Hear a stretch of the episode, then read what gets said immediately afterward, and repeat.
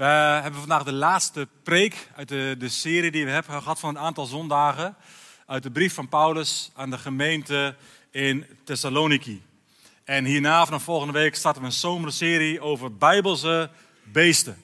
Nou, dat moet wat worden. Dat zal een mooie beestenboel worden, denk ik dan. Ehm, maar vandaag eerst nog 1 Thessalonicense 5, vers 12 tot 28. Het zijn in deze brief en naar deze gemeente de, de laatste aansporingen van Paulus aan die gemeente vol jonggelovigen. Hiermee sluit hij zijn eerste brief af. En voor ons mogen deze versen vandaag gelden als hernieuwde aansporingen. Ze hebben ons wat te zeggen vandaag. Want we sluiten vandaag een seizoen af. En net zei ik al, we beginnen een nieuw seizoen, dat klopt. We sluiten hem af en we beginnen het nieuwe seizoen vandaag. Uh, letterlijk en figuurlijk een seizoen. En ja, het was een intens seizoen. Nog één keer en daarna geven we er ook niet meer zoveel woorden aan in diensten. Maar uh, wat was het een pittig seizoen. Waar we veel te maken hadden met corona en lockdowns. Um, waar we ons op het gebied van relatieethiek hebben gemerkt dat we deels uit verbinding zijn geschoten. En broers en zussen zijn kwijtgeraakt. En vorige week hadden we, ook losstaand van deze zaken, maar ook een intens proces het afscheid van Theo en Harmke als voorgangers-echtpaar van onze gemeente. Het was me het seizoen wel. En door de zomer heen mag de blik ook weer naar voren. Naar dat wat God vanaf hier wil doen in onze gemeente. We gaan een nieuw seizoen in als gemeente. Letterlijk, maar ik geloof ook echt met heel mijn hart figuurlijk. Ik ben ontzettend nieuwsgierig naar voren toe. Ik heb de gemeentevergadering al gedeeld, waren een deel van jullie was daar niet, dat ik het afgelopen half jaar uh, meer beelden, woorden, visioenen, hoe je het maar noemt. En ja, toets alles, komen we ook nog op vandaag. En toch, veel woorden ontvangen, veel beelden ontvangen voor mij persoonlijk, voor ons als gemeente. Die, eh, van mensen die soms helemaal niet weten wat er speelt, van buiten de gemeente. Die mij ontzettend verwachtingsvol maken voor een nieuw seizoen. De Heer is nog lang niet klaar in de stadskerk. De Heer gaat een nieuw werk doen in de stadskerk. En ik geloof, en, en met mij ook meer in leiding, ik geloof dat er een nieuwe golf gaat komen. Maar dan is wel de vraag, zijn we daar klaar voor? Zijn we er klaar voor om daarin ook kanalen te zijn? Om te discipelen als er daadwerkelijk een nieuwe golf gaat komen. En we hebben te toetsen. Jullie kennen me inmiddels ook als een, uh, denk ik, een, een, gepassioneerd, maar ook wel weer een, uh, een nuchter persoon. Dus toets alles en we houden het goede. Dus we moeten zien in de praktijk of het ook gaat gebeuren. Maar de hoeveelheid aan woorden, ik heb het afgelopen half jaar meer woorden, meer beelden, meer visioenen, profetieën, hoe je het maar wil noemen, ontvangen dan de tien jaar daarvoor samen. En volgens mij zegt dat iets. De intensiteit van het spreken van God door zijn geest eh, wil iets wakker maken. Naar voren toe. Dus uh, ik heb heel veel zin in vakantie, want ik ben best moe. En tegelijkertijd, ik kan niet wachten. Om te gaan meemaken wat de geest ook vanuit hier weer gaat doen. En dan is de vraag, ben je er klaar voor? Wat ook de, het thema is van deze dienst. Ben je er klaar voor? En in eerste instantie was dat thema eigenlijk vanuit 1 Thessalonicense 5 een beetje gekoppeld aan de wederkomst van Jezus. Maar had het eigenlijk qua thema beter gepast bij de preek van Mark van twee weken geleden. Ben je er klaar voor? Ik geloof dat we vanuit dit tekstgedeelte die vraag anders mogen invullen. Ben je er klaar voor? Voor wat de Heilige Geest de komende periode in ons midden, in onze gemeente, in onze levens wil gaan doen. Laten we eerst het tekstgedeelte lezen. En, en, dit gedeelte, het komt in eerste instantie over als een hoeveelheid goede, een hele hoeveelheid goede, maar ook vrij willekeurige raadgevingen. En toch is het meer dan dat. Laten we het lezen in Thessalonicense 5 vanaf vers 12. Wij vragen u, broeders en zusters, diegenen onder u te erkennen die zich op gezag van de Heer ervoor inzetten u te leiden en terecht te wijzen. U moet hun om hun werk veel liefde en respect betonen. Leef in vrede met elkaar. En wij sporen u aan, broeders en zusters, Iedereen die zijn dagelijks werk verwaarloost, terecht te wijzen. De, de moedeloze hoop te geven, op te komen voor de zwakken en met iedereen geduld te hebben. Zie erop toe dat niemand kwaad met kwaad vergeldt. En streef altijd naar het goede, zowel voor elkaar als voor ieder ander. Wees altijd verheugd. Bid onophoudelijk. En dank God onder alle omstandigheden. Want dat is wat Hij van u, die één bent met Christus Jezus, verlangt. Doof de geest niet uit. En heb geen minachting voor profetieën. Onderzoek alles. Behoud het goede. En vermijd alle kwaad. In welke vorm dan ook. Mogen de God van de vrede uw leven geheel en al heiligen. En mogen heel uw geest, ziel en lichaam zuiver bewaard zijn bij de komst van Jezus Christus. Hij die u roept is trouw. En hij komt zijn belofte na. Broeders en zusters, bid ook voor ons en groet elkaar, dat mag straks bij de koffie, met een heilige kus. In de naam van de Heer verzoek ik u dringend deze brief voor te lezen aan alle broeders en zusters. De genade van onze Heer Jezus Christus zij met u. Het is ontzettend vol gedeelte. Die zitten wel twintig preekthema's in, wat mij betreft. Allemaal krachtige adviezen en oproepen met betrekking tot eigenlijk allerlei verschillende thema's. En toch is er in dit gedeelte ook wel degelijk een opbouw te ontdekken. Als het gaat om de verantwoordelijkheden die we als gemeenschap, die we als groep van gelovigen ook hebben. Als eerste heb je als gemeenschap een verantwoordelijkheid richting de leiders van de gemeente. En dat vinden we in Nederland al vrij snel ongemakkelijk. Ik zelf ook, als leider in deze gemeente. Ik vind het ook een beetje suf dat deze versen komen net na uh, dat we van twee naar één voorgangers uh, gaan. En dan zou ook een leider van, nou die Arjan die heeft de winter onder. Die gaat even vertellen hoe het allemaal moet nu. Ja, sorry, dit was gewoon volgens het rooster aan de beurt. Meer is het niet. Maar het staat er wel.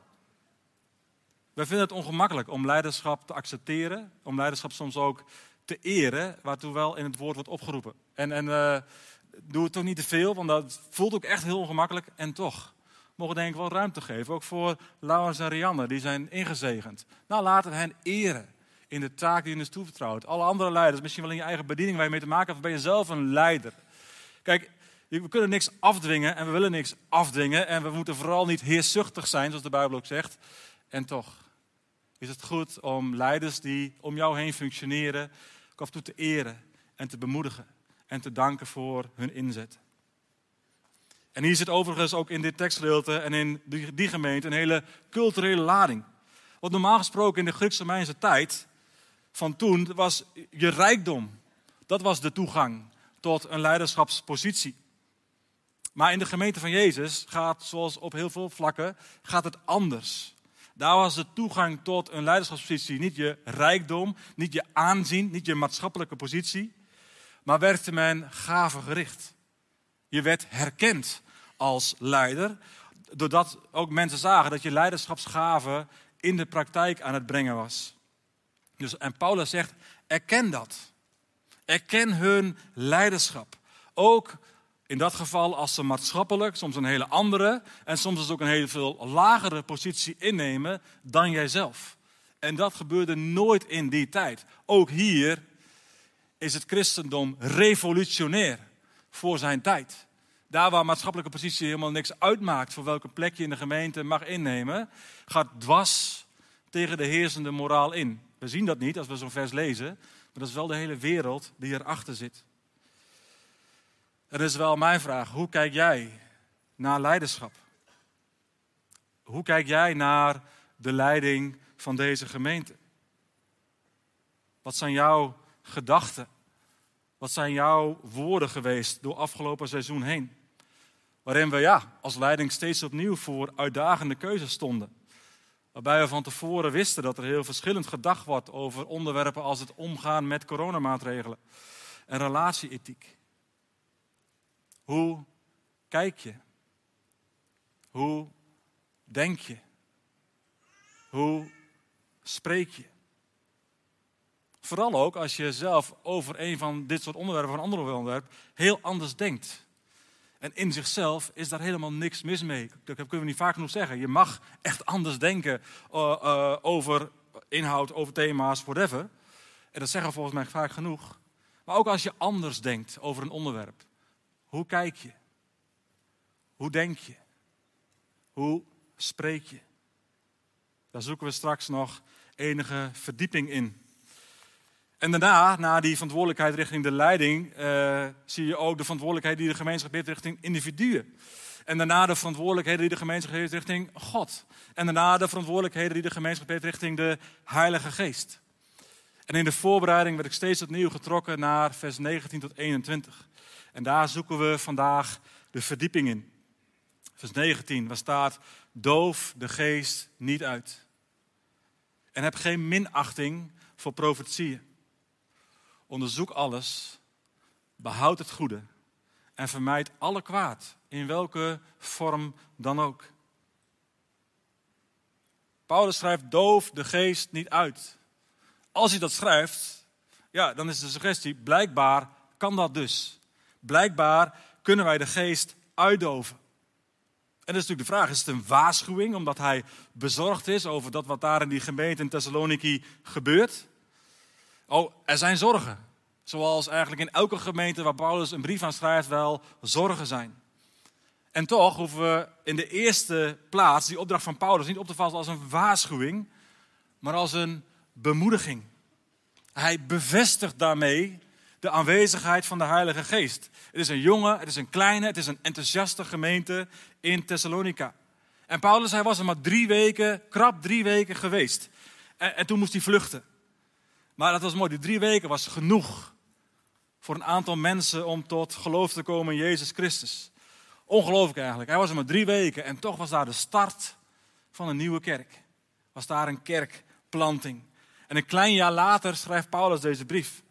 En in het begin van de brief, in hoofdstuk 1, haalt hij ook de start van die gemeente aan. Daar zegt hij, we zijn zo dankbaar dat onze boodschap jullie heeft overtuigd. Niet alleen door onze woorden, maar door de overweldigende kracht van de Heilige Geest. Het was zo mooi om te zien dat jullie het woord hebben aangenomen met de vreugde, welke vreugde? De vreugde van de Heilige Geest. Dat is waar, waar Paulus naar terugverwijst. Als hij aan het eind van zijn brief zegt: doof de geest niet uit. De geest is er. Paulus heeft het gezien in Thessalonica. Hoe mensen nieuw leven vinden als ze de Heer Jezus Christus erkennen als verlosser, als Heer van hun leven. En ze zijn enthousiast. En Paulus is enthousiast. Er is vuur, er is vreugde, er is kracht. Want de geest is er.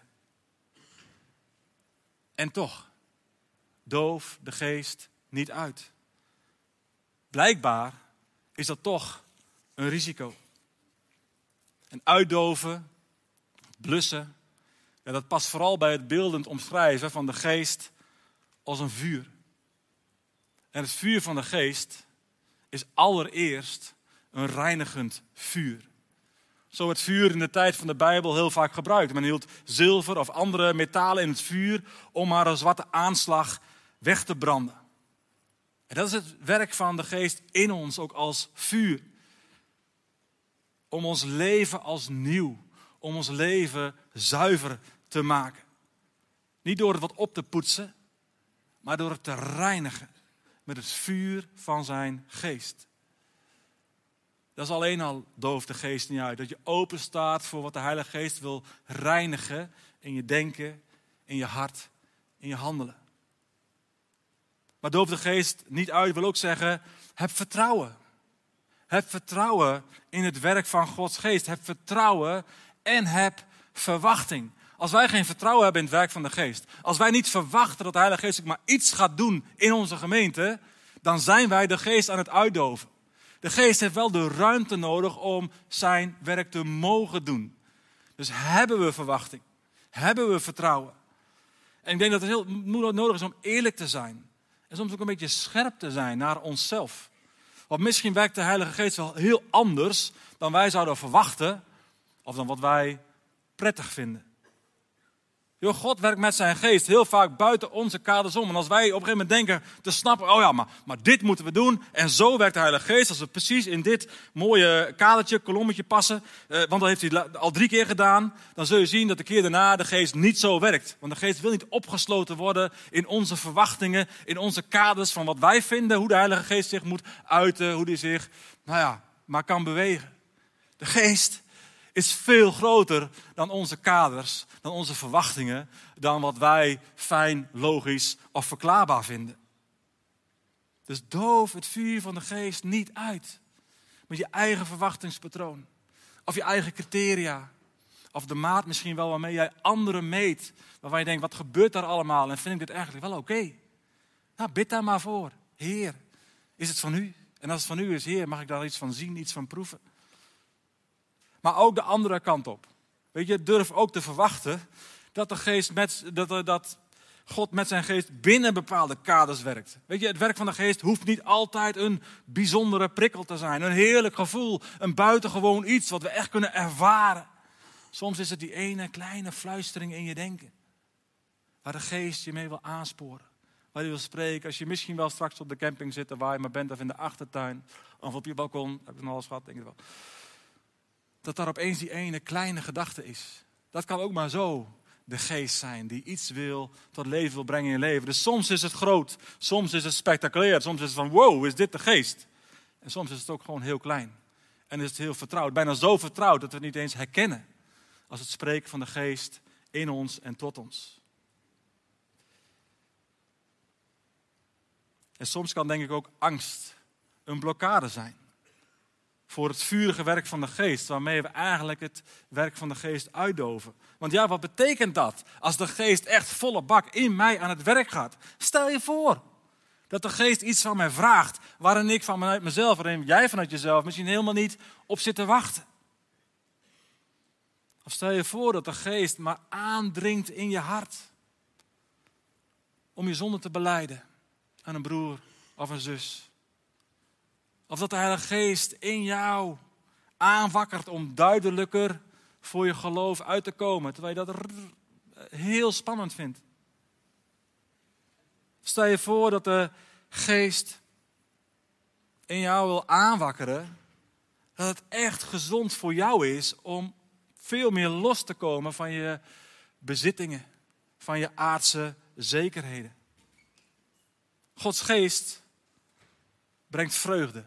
Zo vertelt Paulus aan de gemeente in Thessaloniki. Maar die vreugde was wel te midden van al die verdrukkingen waar die gemeente mee te, eh, te maken had. Geest is niet alleen feest. Ja, die mag je even onthouden, die mag je even meenemen. Het is niet alleen maar feest. Geest betekent ook meer geest, dat hij meer gaat vragen. En ik geloof dat als we daarin gaan wandelen, oh, dan kunnen we soms spannend vinden, dat kan soms met knikkende knieën gaan. En tegelijkertijd, daar ligt de vreugde.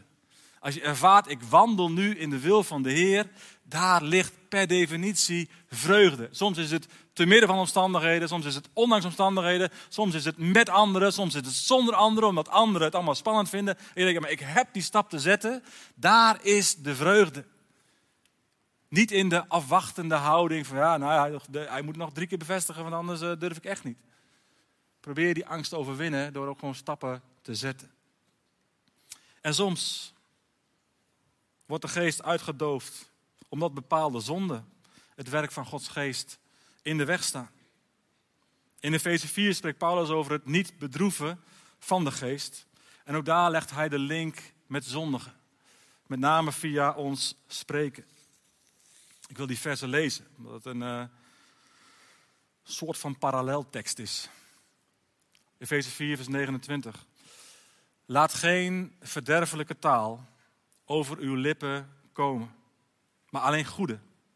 En waar nodig opbouwende woorden die goed doen aan wie ze hoort. Maak Gods Heilige Geest niet bedroefd en daarmee doof je hem uit. Want hij is het stempel waarmee u gemerkt bent voor de dag van de verlossing.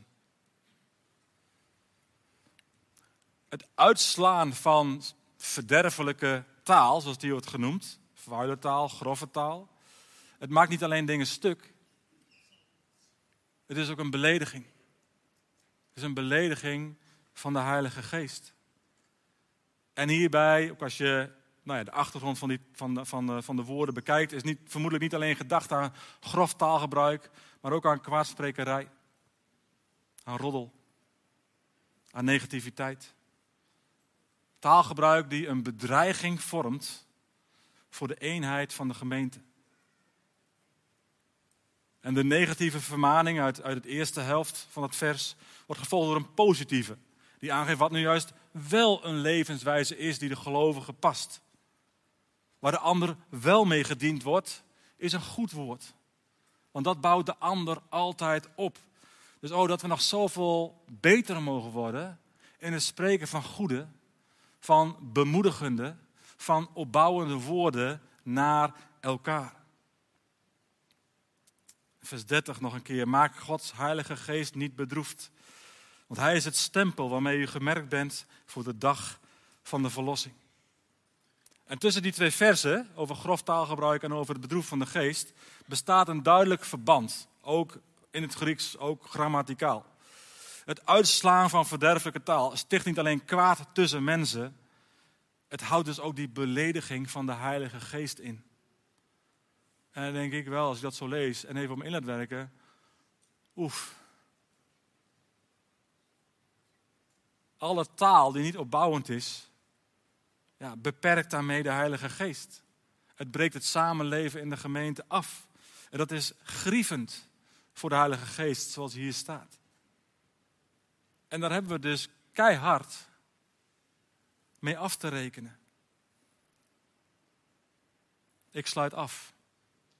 Ja, we mogen verlangen naar meer ruimte voor, meer zoeken naar, meer streven naar alles wat de geest maar wil doen in ons midden. En dan gaan we ons in het nieuwe seizoen, en It's Your Church is daar ook een markeringsmoment van. Heer, het is uw gemeente, maar doe alsjeblieft in uw midden wat u wil doen. Dat weekend, wees daarbij. Meerdere blokken, meerdere uren. Je zou wel gek zijn als je deze gemeente beschouwt als je thuisgemeente, als lid of als vaste gast, dat je denkt, nou, zo'n weekend van gebed en aanbidding, die sla ik even over. Doe dat alsjeblieft niet. Serieus. Ik geloof dat dat een bijzonder weekend zal zijn, waar een nieuw seizoen opengaat, waar God op nieuwe manieren zal spreken en zal werken. Doe jezelf niet tekort door te denken, ach, dan moet ik zeker twee uur lang bidden en een beetje af, eh, aanbidden en bidden en ik voel me daar ongemakkelijk bij. Boeien dat het af en toe ongemakkelijk is. Echt, daar moeten we nou echt eens een keer mee afrekenen. Omdat door het ongemak heen, daar is de vreugde. Daar is het nieuwe leven. En ja, daar is ook heel vaak de overwinning. Wees daarbij, zet hem in je agenda en denk niet, nou, ik ga plichtmatig twee uurtjes. Nee, kijk eens even welke blokken je er in ieder geval wil zijn. En ehm, nou, gewoon op een hele vriendelijke manier, wees welkom. Ja, sorry.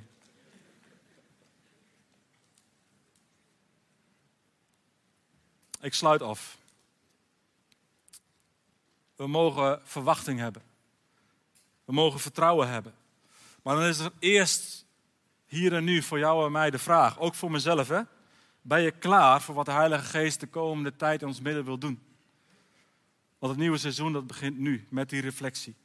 En de hele concrete persoonlijke reflectievragen voor jou en voor mij, voor deze zomer zijn daarbij, hoe is jouw spreken geweest? In het afgelopen seizoen? Laat je je in met kwaadsprekerij? Met gelijk willen hebben ten koste van de ander? Met zelfrechtvaardiging van je eigen keuze of je eigen standpunt of je eigen gelijk? In hoeverre is er in jouw leven een reiniging van je hart? En uiteindelijk ook van je lippen nodig om klaar te zijn voor een nieuw seizoen. Om de geest niet verder uit te doven, maar hem juist alle ruimte te leren geven. De tekst die mij de laatste weken na aan het hart ligt, is Psalm 19, vers 15. Het is niet voor niks. Ook bij mij is er werk aan de winkel. Ook ik heb de neiging om niet altijd positieve woorden te spreken. Als mensen tegenover me komen te staan, of in ieder geval te denken. Of als mensen de gemeente verlaten. En heel vaak gaat het gelukkig in hele goede harmonie. En soms niet. En dan is Psalm 19, vers 15 ook voor mij zo nodig om te realiseren, om te bidden en om wilskrachtig uit te leven. Mogen de woorden van mijn mond en de overleggingen van mijn hart u welgevallig zijn. Als dat zo is, dan zullen mijn woorden ook opbouwend zijn. Dan zullen mijn woorden ook bemoedigend zijn. Dan zullen mijn woorden ook leven brengen mogen de woorden van mijn mond en de overleggingen van mijn hart u welgevallig zijn. Dat is de eerste. En de tweede vraag is, hoe is het met je geloof? Met je vertrouwen, met je verwachting in wat God wil en kan en zal doen in ons midden. Wil je geloven? En wil je ook met mij, met ons verwachten dat de Heer een nieuw werk wil doen? Zullen we daar samen voor bidden? Amen. Ik heb een gebed op de beamer. Ah, oh, dat mag je niet zeggen, op het scherm. Want de beamer is natuurlijk dat, daar staat niks op, maar dat is het scherm. Ik heb een gebed en uh, ik wil je uitnodigen om te gaan staan. Daarna gaan we ook zingen. En uh, ik wil je vragen, als je daarvoor open staat, omdat ik lees hem één keer even helemaal voor, want hij staat op drie verschillende, nou, niet alles staat hier nu op. Ik lees hem voor en als je daar vrij in voelt, maar ik zeg, joh, dat is ook het gebed van mijn hart. Bid het alsjeblieft hardop mee als een gebed ook wat je uitspreekt naar de Heer. Gebed is Heilige Geest van God. Doordrenk mij. Reinig mij. Dompel mij helemaal onder in u. En zet me in vuur en vlam voor Jezus. Opdat ik een lichtend licht kan zijn voor de mensen om me heen. Vul mijn hart met reine gedachten. Vul mijn hart met verwachting en vertrouwen in wat u wilt gaan doen in ons midden. En mogen de woorden van mijn mond en de overleggingen van mijn hart u welgevallig zijn.